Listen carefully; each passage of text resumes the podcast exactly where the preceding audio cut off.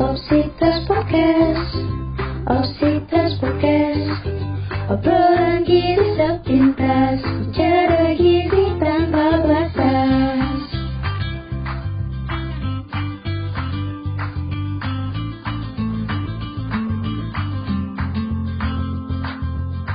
Halo, halo, Nutrisius. Mana nih suaranya?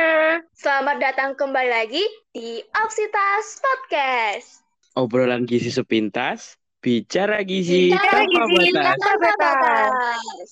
Gimana nih guys persiapan kuliah offline-nya kalian? Eh, tar dulu dong, Al, nanya-nanyanya. Mending kita kenalan dulu dong, supaya teman-teman kita kenal. Iya, bener banget nih Han. Biar kita teman-teman yang pada dengerin Opsitas kali ini jadi tahu nih siapa aja yang ada di Opsitas kali ini. Kan ada pepatah tuh, tak kenal maka tak sayang. Widih. Oh iya bener banget. Tapi setelah kenal beneran disayang nggak? Aduh, bisa aja ngombalnya nih Al. Oke, kita perkenalan dulu kali ya. Halo semuanya, perkenalkan aku Alvina dan di sini aku juga ditemani sama dua rekanku yang akan nemenin di Opsitas kali ini. Ada siapa aja nih? Halo, aku Hanifah. Dan aku sendiri Fatih atau bisa dipanggil Al. Kami ini dari Gizi Angkatan 2021 nih. Perihal kabar nih, by the way, kalian gimana kabarnya guys? Alhamdulillah baik dong. Wih, aku nih agak lumayan sakit nih Han. Waduh, sakit apa tuh, Vin? Aduh, kasih tahu nggak ya? Sakit biasa sih, demam nih kayaknya. Eh, Guys, semoga Vina. cepat sembuh ya, Vin. Thank you. Oh ya nih, gimana udah siap mental buat kuliah offline belum? Waduh, mental nggak tuh? Aduh, bener banget nih, Al. Kayaknya kita perlu persiapan mental nggak sih? Karena kan dua semester kemarin kita selalu online gitu. Kalau ini kan kita udah mulai offline, mungkin bakal ketemu sama temen-temennya nggak di layar doang nih, bakal ketemu langsung gitu. Pokoknya semoga kuliahnya lancar-lancar aja ya guys. BTW nih, ngomongin opsitas, kan kita pasti di seputar gizi ya guys. Jadi tuh pasti banyak nih pertanyaan dari anak-anak gizi lainnya juga dari luar gizi juga banyak nih. Kan di zaman sekarang nih ada banyak orang-orang yang pengen punya berat badan ideal atau punya badan ideal gitu. Tapi tuh bingung gitu caranya gimana. Terus ada tuh yang sampai ngelakuin diet-diet ekstrim dan sebagainya gitu. Nah, dari kalian gimana nih? Nah, pas banget loh, Vin. Hari ini di Opsitas Podcast kita mau bahas putar diet. Yuh, bener banget. Tapi ya guys, sebenarnya diet itu apa sih? Karena di zaman sekarang itu banyak banget yang salah mengartikan tentang diet. Terus kira-kira ada nggak sih tokoh yang menerapkan diet? Dan kira-kira beliau menerapkan diet apa ya? Nah, bicara seputar diet nih Han. Diet sendiri kan bagi orang awam diartikan sebagai cara menurunkan berat badan. Sebenarnya arti tersebut kurang tepat. Diet sendiri dalam arti sebenarnya adalah pola makan. Jadi nggak ada kaitannya tuh dengan menurunkan berat badan. Justru dengan menerapkan beberapa pola makan yang ada, badan kita jadi lebih sehat dan terjaga gitu. Ngomong-ngomong tentang tokoh yang menerapkan diet, ada loh aktris dari Australia yang bernama Rebel Wilson. Pernah berat badannya hingga 20 kilo. Kalau setahu aku nih ya Al, diet ini tuh banyak banget loh disukai orang karena programnya itu terstruktur dan pedomannya jelas serta sederhana. Tidak perlu membatasi kalori, menimbang makanan, atau melacak asupan makronutrien. Selain itu, tidak perlu komitmen waktu dalam jangka panjang untuk hasil yang signifikan.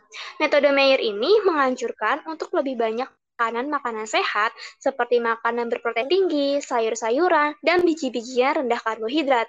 Kebiasaan konsumsi makanan sehat ini jika terus-menerus dilakukan dapat menjadi gaya hidup yang lebih baik. Jadi itu alasannya Al. Hmm, gitu. Oke. Wih, menarik banget ya, Han. Diet ini tuh nggak perlu hitung kalori, nimbang makanan gitu. Jadi kayak praktis dan juga nggak perlu lama gitu kan ya. Jadi kenapa sih pakai metode Meyer ini? Jadi metode Meyer ini tuh dia fokus nih pada menghilangkan makanan tertentu dari pola makan sehari-hari yang fungsinya untuk meningkatkan kesehatan pencernaan dan juga menggabungkan praktik makan yang penuh perhatian atau mindful dan menghindari gangguan saat makan. Jadi program ini intinya tuh untuk meningkatkan kesehatan usus nih, yang sebagai kunci untuk menurunkan berat badan dan menjaga kesehatan. Pokoknya kita harus perhatian penuh nih saat makan. Jadi biar kita itu menghindari makan makanan yang berlebih seperti kayak kita lihat cium makanan nonton orang lain makan lihat iklan produk makanan pasti kan kayak jadi kepengen gitu loh. Jadi diet Mayer ini membantu kita juga biar nggak emosional eating gitu. Wah, terus oke terus gimana nih? Eh, cara pelaksanaan persiapan atau apa sih yang perlu kita lakuin nih eh, untuk ngelakuin diet Mayer ini ada yang tahu nih? Nah, ya, se- seperti yang dijelasin sama Alvina, eh, diet ini kan untuk melancarkan pencernaan, untuk menyehatkan usus-usus di dalam eh, tubuh kita. Nah, jadi diet ini dimulai dengan puasa selama beberapa hari untuk membantu tubuh menyesuaikan diri. Setelah puasa berakhir, diet ini menekan untuk tidak minum susu sapi, tetapi mengkonsumsi penggantinya seperti krim sayur atau susu alternatif. Metode Meyer juga merekomendasikan makanan-makanan yang melindungi kandu- memiliki kandungan alkali tinggi seperti sayuran dan ikan. Dan beberapa seperti eh, metode Meyer itu tidak boleh eh, mengunyah kurang dari 40 kunyahan karena akan mengganggu sistem-sistem pencernaan di tubuh kita gitu. Dan untuk waktunya, jangka waktunya berapa sih? Ada yang tahu nggak?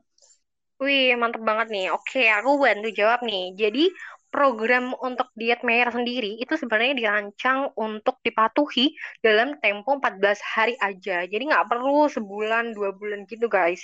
Jadi tapi selama 14 hari itu juga diinstruksikan nih untuk menghindari gula, kafein, dan juga makan makanan yang tinggi alkalinya. Dan juga kita harus membatasi asupan gluten dan juga produk susu. Jadi sebenarnya sarapan itu adalah jam makan yang paling penting dalam metode diet ini. Karena kalau sarapannya baik, jadi kita dapat kalori yang sesuai kita perlukan gitu nih guys. Terus seperti yang dikatain sama Al tadi ya, jadi kita ngunyah suapan makanan itu tuh paling tidak 40 suapan gitu. 40 kunyahan hingga 60 kali kunyahan. Dan juga makan porsinya itu paling banyak di pagi hari justru, bukan di siang hari ataupun di malam hari gitu. Terus kita tuh harus berhenti makan ketika mulai merasa kenyang nih.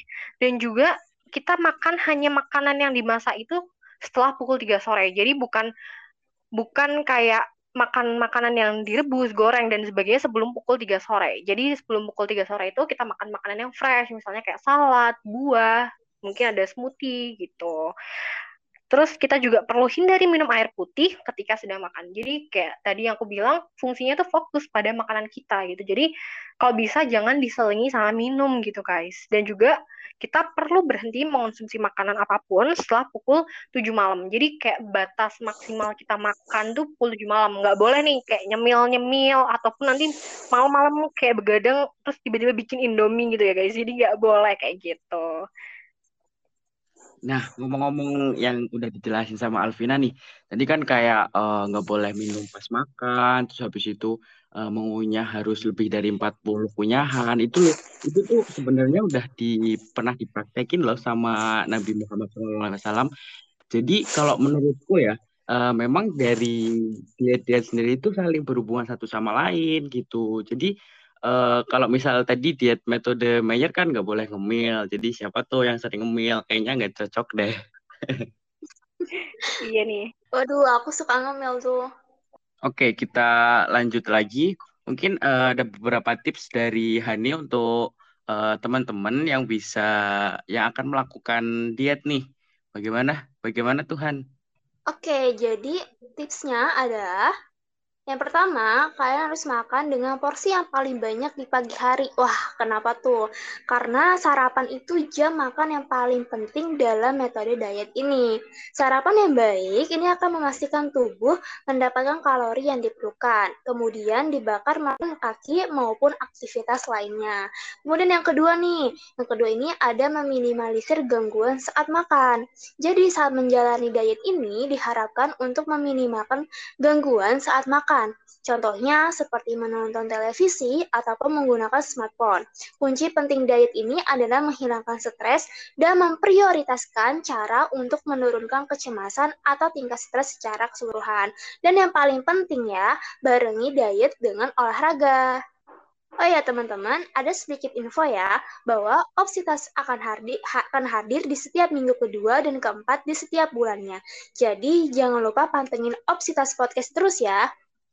Nah, itu tadi dari Opsitas dari kita tentang diet Mayer. Siapa tahu dari teman-teman jadi kebuka nih pikirannya dan pengen nyobain diet Mayer juga. Karena diet Mayer ini kan nggak pakai kalori juga tadi ya guys kayak ini menimbang kalori gitu-gitu dan pokoknya fokus pada makanan kita barengi dengan olahraga dan makan makanan yang pastinya bergizi tinggi jadi uh, buat teman-teman uh, bisa buka insightful banget ya kalau mau ikut diet ini jadi di sini mungkin aku dan teman-teman aku ada dua rekan aku juga aku Hanifah dan aku sendiri Al kita pamit undur diri untuk obsitas kali ini. Sampai jumpa di lain kesempatan Nutrilisius. See you, bye-bye. See you, bye-bye. See you, bye semuanya.